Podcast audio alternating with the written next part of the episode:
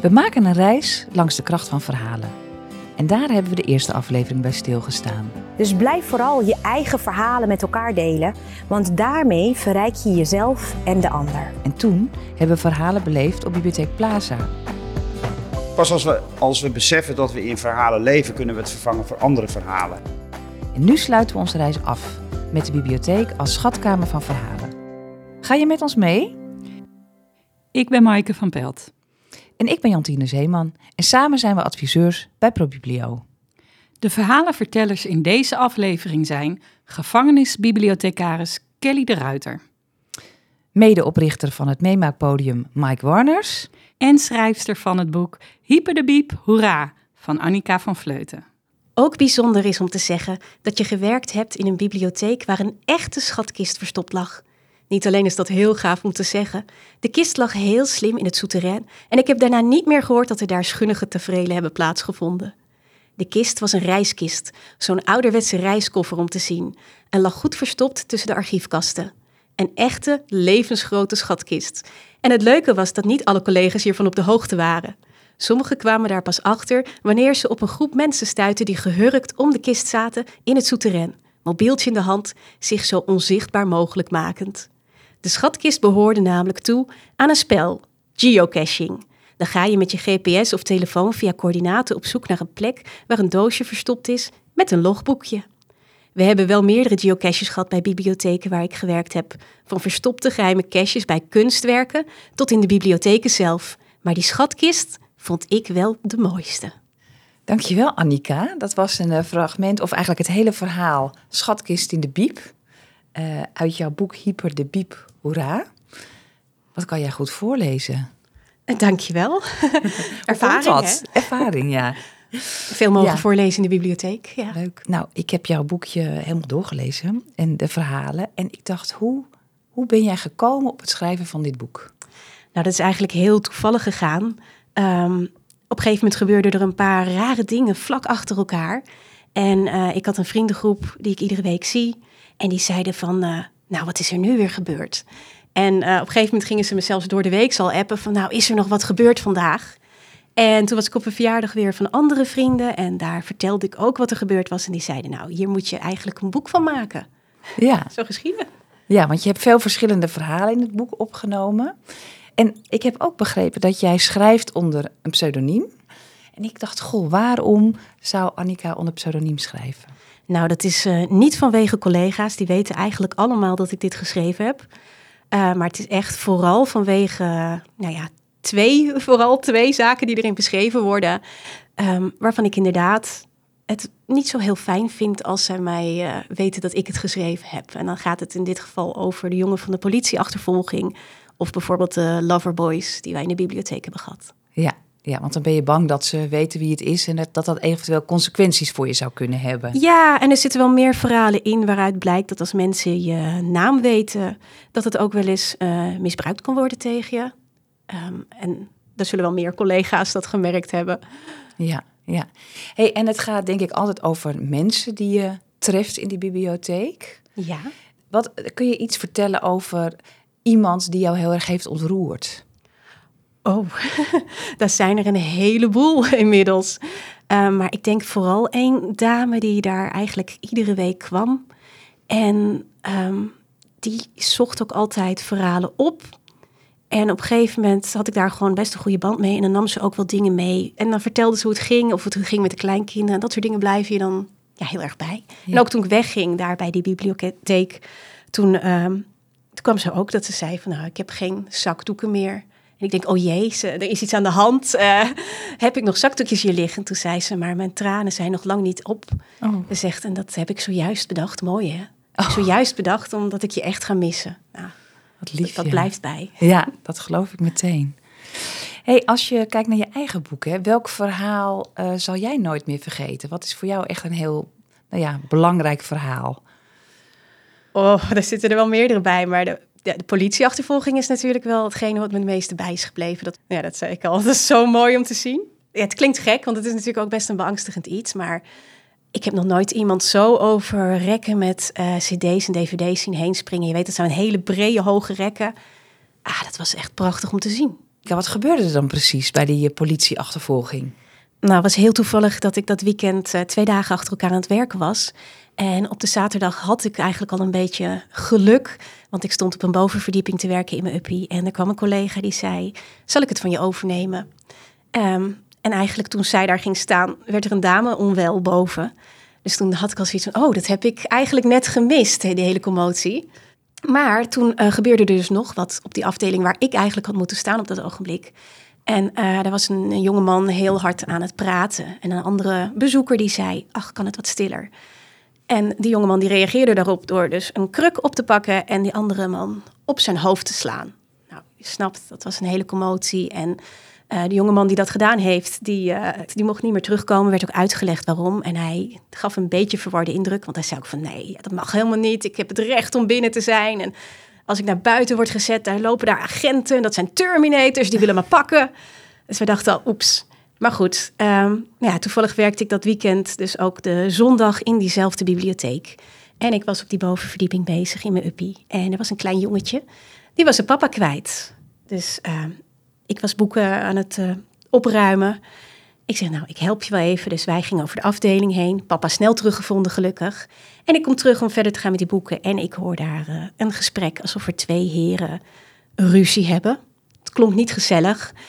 Dus ik stond mijn moed uh, in te praten. Van, nou, ik vind het toch wel spannend als je daar iemand op moet aanspreken. Zeker als ze zo agressief klinken. Ik denk, nou oké, ik ga erheen. Ik zeg van, goh, uh, hebben jullie slechte dag vandaag? Kan het even iets stiller, want we horen het allemaal.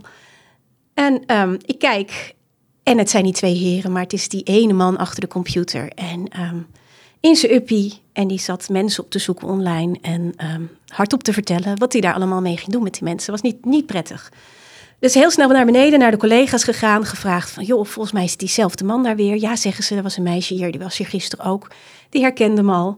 Politie gebeld, politie kwam. Jongeman was net de, jongeman was net de deur uit. Gelukkig, denk je dan. Nou ja, geen confrontatie, goed afgelopen, agenten. Nou, als hij terugkomt, ben ons maar weer. En ze willen naar buiten stappen en die jongeman komt terug. Pak je hem daar even op, dat fragment? Want ik ben heel benieuwd hoe je dat hebt opgeschreven. Nou ja, het duurt niet lang of hij komt terug. De agenten gaan voor een tweede keer met hem in gesprek. Wanneer hij weer wegrent, wacht iedereen af wat er gebeurt. Maar de man lijkt nu weg te blijven. De agenten komen weer naar binnen. We denken niet dat hij nog eens terugkomt, maar als dat wel gebeurt, bel ons dan gelijk.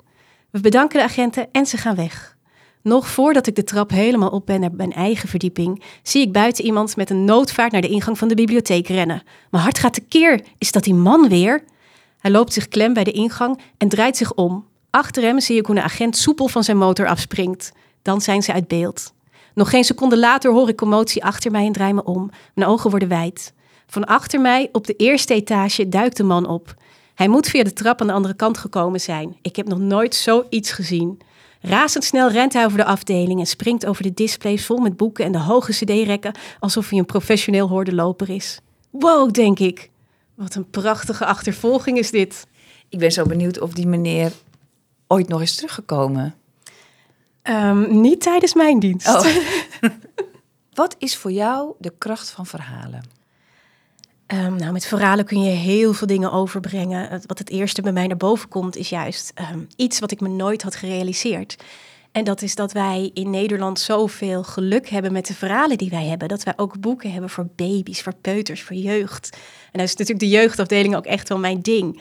Maar ik heb dan ook als boekconsulent gestaan. En daar hadden we ook een dame die zei: Ik ben jeugdboeken niet gewend van het land waar ik vandaan kom. En ze was heel verbaasd dat ik toen aankwam, want ze kon geen, niet nou ja, geen goed Nederlands. En er was een begeleidster bij haar die zei: Jij heeft vast niet toevallig een boekje in Tigrinya, want ze kwam uit Eritrea. Ik zeg: Toevallig heb ik dat wel. En ik kwam aan met een woezel- en pipboekje in tien talen. En ze moest eigenlijk een beetje huilen, die moeder, want ze kon nu een verhaal lezen samen met haar kindje in haar eigen taal. Ja, mooi. Echt ja. een kracht daarvan. Ja, ja mooi voorbeeld. Hey, en um, nou, ik hoor hè, op het moment dat jij stukjes uit je eigen boek voorleest, dat je ontzettend mooi voorleest. En daarmee heb je, alsjeblieft, en daarmee heb jij natuurlijk zelf ook een hele belangrijke rol in het overdragen van die kracht van verhalen. Hoe bewust ben je je daarvan als voorlezer? Um, nou, je wordt er een beetje bewust van gemaakt. Um, en vooral dus als er collega's zijn die zeggen van... goh, dat doe je zo leuk. Kun je inderdaad helpen met de jeugdprogramma's. Dankjewel, Annika, voor dit gesprek. Alsjeblieft. Bij ons aangeschoven aan tafel is onze collega Kelly de Ruiter. Hallo Kelly. Hallo. Fijn dat je er bent. Dankjewel. Jij werkte tot voor kort bij de bibliotheek Lelystad en zat een halve dag per week in de gevangenis. Ja, dat roept dat gelijk klopt. allerlei beelden bij mij op. Heb jij een spannend verhaal voor ons? Een spannend verhaal. Ja, mijn, mijn, mijn introductie met eh, de, de gevangenis was wel interessant. Eh, er werd gezocht uh, vanuit de bibliotheek naar een vervanger. Mm -hmm. En ik werkte volgens mij net de drie weken in de bibliotheek. En ik hoorde dat gerucht al een beetje binnen het team gaan van Henk, mijn toenmalige manager, uh, dat iemand uh, gezocht werd. En toen werd mijn naam ook meteen genoemd. En toen dacht ik echt, oh nee, ik, oh, ik moet echt, ik moet mezelf gewoon een soort van verstoppen bijna. Ik dacht, waarom? Um, maar goed, ik werd inderdaad op kantoor geroepen en gevraagd, uh, wil jij het doen? Want ik denk dat jij de juiste persoon bent om dat te gaan doen. En wat dacht jij? nee, ik dacht alleen maar, ik ben echt net drie weken in dienst en het leek me heel eng. Uh, en ik, had me, ik kon me geen voorstelling maken van hoe het aan de binnenkant van de gevangenis eruit ziet. Ik had alleen maar beelden van televisie, van die smalle gangen waar ik dan misschien zou staan, heel dicht bij die gedetineerden. Ik dacht, nee, nee, nee, nee, ik doe het niet. Uh, maar uiteindelijk, um, ik geloof dat mijn manager gewoon heel erg overtuigend kan zijn. Dus ik heb gezegd, nou ja, weet je wat, ik ga een keer mee met een van mijn uh, uh, collega's. Um, en ik laat het over me heen komen en dan bepaal ik wel of ik ja of nee zeg. Nou ja, en die eerste introductie was op een donderdagavond volgens mij. En, uh, Je weet het nog goed. Ja, zeker weten. Ik was echt de hele dag echt super zenuwachtig. en ik kwam daar en het was eigenlijk meteen super leuk.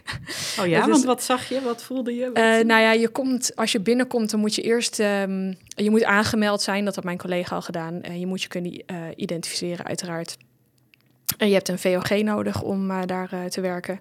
Uh, en dan word je door zo'n poortje geloodst, zoals je ook ziet uh, op het vliegveld. Um, en uh, nou ja, spullen zoals een telefoon of een iPad of wat dan ook moeten buiten blijven. Dus of in de auto of in een kluisje daarvoor. En dan vervolgens dan, ja, dan ga je door een heel scala aan van die hele grote zware deuren die allemaal al dan niet automatisch open gaan. of met een pas. Of je moet aanbellen en dan wordt dat voor je gedaan. Uh, vervolgens haal je sleutels en uh, iedereen die uh, naar binnen gaat krijgt een pieper. Voor het geval er een calamiteit is. Um, en dan, dan ga je naar de afdeling. Um, Lelystad heeft twee grote koepels en wij gingen naar de koepel waar de, nou ja, de langgestraften zitten. Dat klinkt allemaal heel spannend, maar uiteindelijk was het een hele relaxte afdeling. En um, werden we eigenlijk gewoon met open armen ontvangen. Er werd gewoon heel erg uitgekeken naar de komst van de bibliotheek. En uh, mijn uh, collega die mij um, uh, ingewerkt heeft, dus die is heel klein van stuk, maar heel erg mondig. En dus die deed dat gewoon hartstikke goed. En volgens mij kregen we zelfs eten die avond, want ze kunnen dus ook koken op zo'n afdeling. Hè. Dus als ze werken, dan verdienen ze wat geld en dan mogen ze ook gewoon in de gevangenis boodschappen doen. Um, er werd gekookt, volgens mij hebben we zelfs zelfgemaakte pizza gegeten die avond. En uiteindelijk het zijn gewoon mensen. En je hebt geen idee wat ze. We hebben, ik, en dat was ook helemaal niet interessant voor mij. Van waarom zitten ze daar? Um, het zijn gewoon mensen die voor een boek komen of voor een praatje komen. Uh, dus uh, de spanning, dat viel er eigenlijk wel snel, uh, snel vanaf. Dus en toen heb ik tegen mijn manager gezegd: Nou, oké, okay, vooruit. ik doe het. Ja. Mooi en eigenlijk dus ook een hele warme ontvangst. Ja, zeker weten. Ja. ja, en ook het, het personeel is echt heel. Um, iedereen zegt je gedag. Ik vond het eigenlijk wel een hele warme plek. En het is natuurlijk ook een hele bijzondere plek. Hè, want het is eigenlijk een soort mini-wereld op zich in die, in die gevangenis. Je werkt niet voor justitie, je werkt voor de bibliotheek. Uh, dus ik, ik, geloof dat ze het prettig vinden om met jou dan een praatje te maken. En dat kan over uh, een boek gaan wat ze geleend hebben. Uh, er was een man die kwam vragen om wat muziekboeken, omdat hij um, gebruik mocht maken van, ik geloof, of de piano of het keyboard of zo. Die zei van ja, ja, dat heb ik ooit vroeger geleerd, maar ik weet het niet meer zo goed. Nou ja, dan neem je wat bladmuziek mee en dan heb je gewoon een gesprek over wat voor muziek gaat hij gaat hij spelen. En, dus eigenlijk heel ontspannen. En dan doet het er eigenlijk helemaal niet meer zo heel erg toe dat je in de gevangenis staat. Nee. nee. En is er een verhaal dat jou heel erg is bijgebleven? Van de gedetineerden zelf? Ja. Ik heb wel vaak meegekregen, zeker van jonge gedetineerden wel, uh, dat ze dan toch kwamen vertellen dat ze toch wel uit een, dat ze een moeilijke jeugd hadden gehad, bijvoorbeeld. Um, Dus het, heeft mij wel heel erg doen inzien dat iedereen die heeft natuurlijk gewoon een verhaal. En je komt, niet, je komt vaak niet zomaar terecht in een, eh, in een gevangenis. Er verhalen van ehm, ja, vaders die bijvoorbeeld afwezig waren of in de gevangenis zelf zaten, eh, waar criminaliteit inderdaad heel zichtbaar, ehm, eh, weinig onderwijs, eh, m- weinig geld. Ja, ik, ik, ik denk dat, je, dat iedereen het kan overkomen uiteindelijk om in de gevangenis terecht te komen. Ik denk dat dat niet weggelicht is voor een soort van een deeltje. Dat kan je allemaal uiteindelijk overkomen. Het is maar net ook waar je, waar je wieg he- heeft gestaan en eh, waar je op school bent geweest. En zoals je ook al zei, van, het zijn ook mensen zoals jij en ik. Dat inzicht eh, Ja. kreeg je er ja, ook wel heel ja, ja, door. zeker. Ja. Maar er zijn misschien ook wel verschillen. Want niet iedereen komt zomaar in een gevangenis. eh, ook niet voor zijn werkzaamheden of haar werkzaamheden. Dus toch weer even terug naar die eh, spannende verhalen. Ja. Heb je wel, wel eens een keer iets heel geks meegemaakt? Of iets wat wel onder die categorie eh, valt te scharen? Ja, ja, zeker Oh, wel. Nou, ik Ehm, ben erg benieuwd. Eh, wel, wel, wel een leuk verhaal inderdaad met een, een man die bij mij op de afdeling zat. En volgens mij was het, ik, ik denk dat het, het ging volgens mij om een Russische man. En die had een, het was een hele correcte, ja dat klinkt een beetje raar in de gevangenis, maar gewoon zo'n hele correcte man. Die kwam ook altijd heel keurig kijken of ik zeg maar zijn administratie goed deed. Hè? Want hij had, niet, hij had geen zin in uiteindelijk een brief zo van je hebt een boek niet goed ingeleverd of wat dan ook. En toen op een gegeven moment kwam hij met een boek aanlopen wat hij de week daarvoor van mij had eh, gekregen of ge- geleend had. En eh, toen deed hij het boek open en toen liet hij zien en toen zei hij, maar dit heb ik niet gedaan. En toen bleek er echt zo'n nou ja, gat uitgesneden te zijn uit het midden van het boek. Precies voor, wat zou ik zeggen, zo'n klaptelefoontje van Samsung of zo'n kleine Nokia. Ehm, en ja, ik wi- wist wel dat er wel ook wel al een soort van rijk handeltje was in telefoons, dat het nog wel naar binnen gesmokkeld eh, kon. gesmokkeld eh, ja, via boeken. precies. En eh, dus een boek werd dan gebruikt waarschijnlijk om dat van de ene gedetineerde naar de andere te krijgen. En, maar de- deze man was hier echt heel erg verbolgen over. Die had echt iets, oh, ik krijg nu straks gewoon de schuld. En hebben we natuurlijk niet gedaan, want ehm, volgens mij was het al wel eens eerder voorgekomen, maar een boek kan daar natuurlijk wel voor gebruikt worden. Dus dat was op zich wel een, eh, een beetje zo'n filmisch moment, weet je? zeg dat. Ja, zeker weten. En eh, daarnaast, ja, dat is een beetje een soort van anekdote, maar om de zoveel tijd komt de film Shawshank Redemption komt op televisie. Is natuurlijk wel een van de meest bekende eh, films over gevangeniswezen. En ehm, daar gaat een, een stukje gaat daar over het boek De Graaf van Monte Cristo. En elke keer als Shawshank Redemption op de televisie was geweest, kwam altijd een gedetineerde vragen.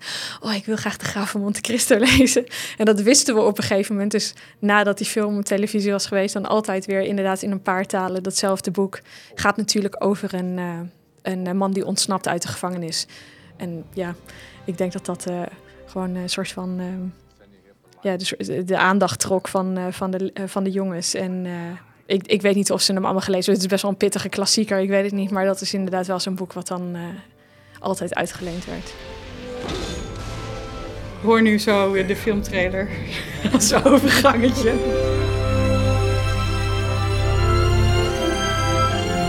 Dankjewel voor je verhalen, Kelly. Heel erg leuk. Graag en gedaan. eh, veel succes met alles. Dankjewel. Get busy living. or get busy dying. Complimenten. Ik heb een man geholpen. Het is een simpele vraag geweest. Toch is hij verbaasd dat ik de tijd voor hem heb genomen, ondanks alle drukte. U bent zo lief, zegt hij. Er zit duidelijk een brok in zijn keel. Ontroerend. Dat ontroert mij.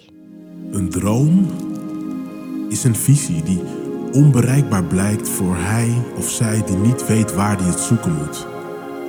En of je dat nou op de straattegels of tussen de boeken doet, op het moment dat de kans zich presenteert om levens te raken, is mijn vraag aan jou. Ga je meedoen, meedenken of meemaken? Inmiddels kunnen we een nieuwe gast verwelkomen, Mike Warners. Fijn dat je er bent. Hallo. Jij bent programmamaker bij Bibliotheek Zuid-Kennemerland en medeoprichter van het Meemaakpodium in Haarlem. Wat hoorden we nou net? Wat we hier net hoorden was Winston, Brandon, zijn zoete stem. Die eigenlijk zijn droom tot werkelijkheid heeft kunnen laten komen door het meemaakpodium te creëren samen met mij. En Winston zijn verhaal is eigenlijk al een paar jaar eerder begonnen met het creëren van een dergelijk podium. Want een meemaakpodium is een plek waar de gemeenschap inhoud geeft aan de bibliotheek.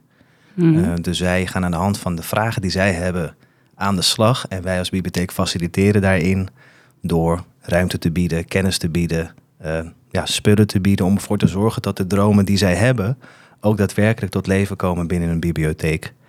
En daardoor creëer je ook hele nieuwe verhalen, nieuwe perspectieven.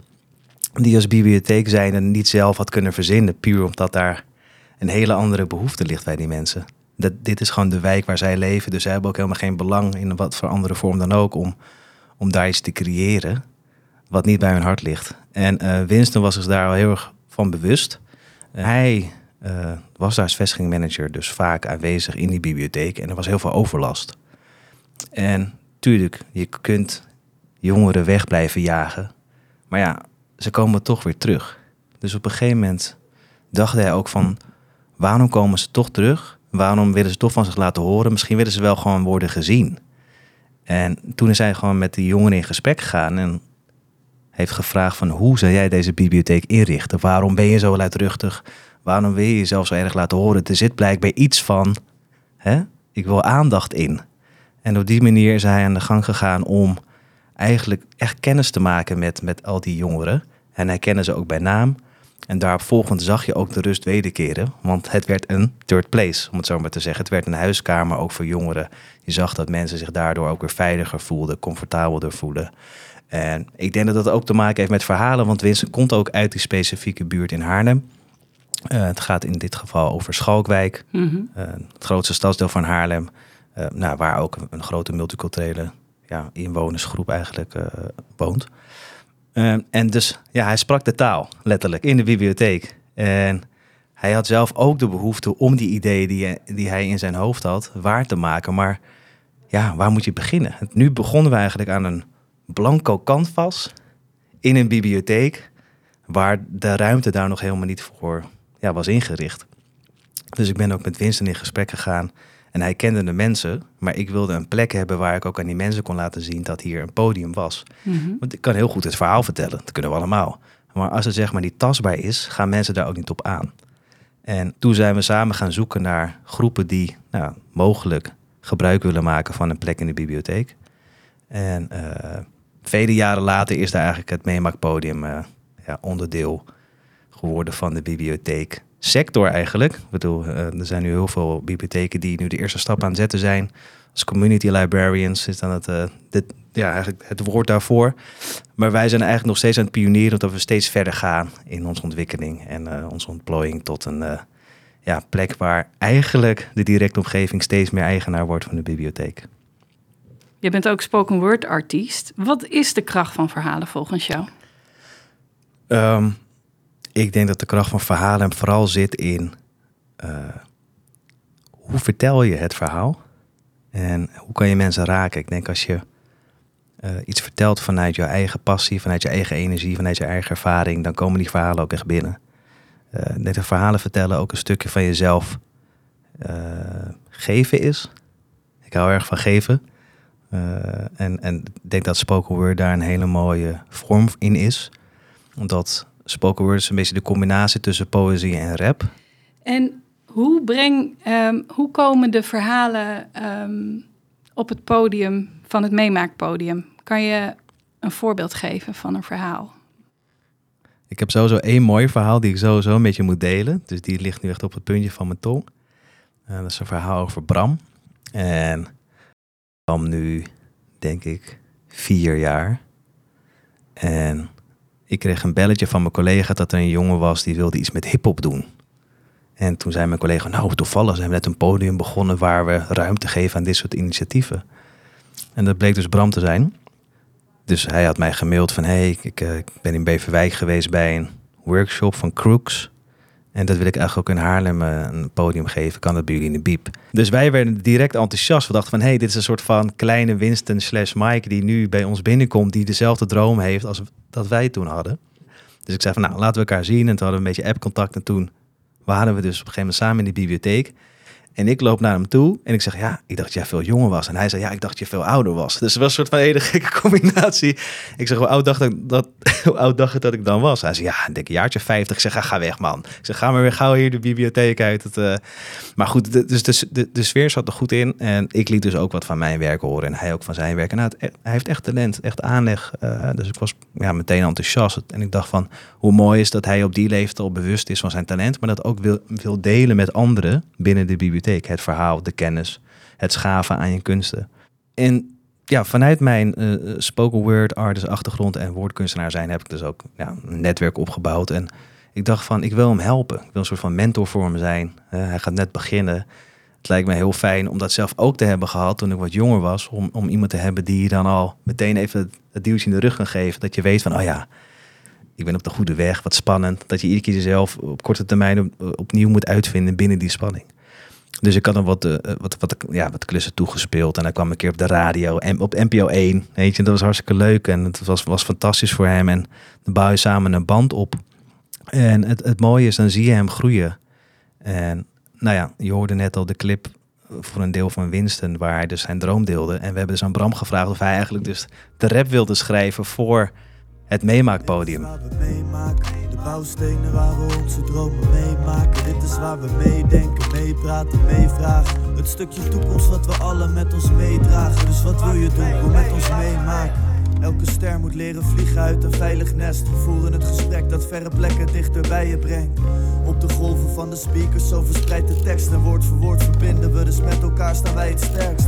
En zo ontdekken we de schatten die verborgen liggen. Zorgen voor de buurt en voor elkaar, we vinden waarde in de straten. Stel je houding open en we komen dichter bij elkaar. En delen de verhalen die ons raken. Dit is waar we meemaken, de bouwstenen waar we onze dromen meemaken. Dit is waar we meedenken, meepraten, meevragen. Het stukje toekomst wat we allemaal Ja, mooi. Ja, het werd hartstikke goed uh, als we dit laten zien aan andere bibliotheken of uh, bij jullie hier bij ProBibio. En ik vind het gewoon heel mooi om te zien, want hiermee, hiermee bewijst hij ook dat hij echt een opdracht kan schrijven. En lang verhaal kort, dus hij is een paar jaar betrokken geweest als meemaker, zo weten onze communityleden in de bibliotheek. En uiteindelijk heeft Winston het nest verlaten. En uh, is Bram eigenlijk nu een soort van zijn opvolger. En wat ik daar heel mooi aan vind, is dat hij eigenlijk die hele cyclus heeft meegemaakt. Letterlijk als meemaker. Dus vanaf het begin, je komt daar binnen, ongemakkelijk. Je, je komt zeg maar in contact met de bibliotheek te staan. De bibliotheek helpt deels vanuit persoonlijke interesse en delen van het netwerk. Anderzijds krijgen we heel veel terug, nou bijvoorbeeld in een rap, maar ook in activiteiten, nieuwe mensen die daar gekoppeld zijn. We hebben ook gewoon bijvoorbeeld een groep met muzikanten die we altijd kunnen laten invliegen, omdat die weer gekoppeld zijn aan die community, uh, woord voor woord genaamd. Uiteindelijk hebben zij een muziekstudio gebouwd in de bibliotheek, waardoor we dus ook weer faciliteiten kunnen bieden voor de hele omgeving vanuit de kennis van uh, woord voor woord en Bram. Uh, waardoor er dus een studio is waar de gemeenschap ook weer op voort kan beduren. Dus op die manier ontstaat er een soort van kettingreactie aan als je zeg maar mensen de ruimte biedt. En dat is best wel lastig, denk ik, binnen, ja, binnen sommige wijken, in, in heel Nederland zelfs. Daar hebben mensen het gevoel dat ze heel erg tegen een muur aanlopen. Maar ja, ik ontdek en ik ondervind ook wat er gebeurt als je een deur creëert. Want op basis van vertrouwen ontstaat er zoveel moois, ontstaat zo'n mooie dynamiek. Maar ik ja, zie dan nu het resultaat. Dus het komt een soort van iemand binnengewaaid met net de baard in zijn keel, bij wijze van, tot een volwaardige collega die eigenlijk al dat hele meedenken, het, het meemaken, het, het communitygevoel, het echt ja, participeren binnen de uh, gemeenschap in, in, in, zijn bloedvaat heeft lopen. En daardoor creëer je ook een hele nieuwe bibliothecanus. Mooi hoor, ja. En het raakt je ook echt uh, in je hart, volgens mij, dat deze jongen deze reis heeft afgelegd. Absoluut, ja. ja het is heel mooi om te zien om uh, ja, echt iemand te kunnen helpen. Hoe mooi is dat? Dat is ook toch de waarde van de bibliotheek. Maar ik denk dat het ook gewoon een van mijn essentiële waarden is van... Ja, nee, uh, geven is het beste wat je kunt krijgen. Dit is waar we meemaken, de bouwstenen waar we onze dromen meemaken. Dit is waar we meedenken, meepraten, meevragen. Het stukje toekomst wat we allen met ons meedragen. Dus wat wil je doen? Kom met ons meemaken. Onze reis zit erop. Maar de schatkist wordt nog steeds aangevuld met nieuwe verhalen. Wil je zelf aan de slag met de kracht van verhalen? Kom naar Plaza in praktijk op 11 april 2024. Ga naar de link in de show notes en schrijf je in.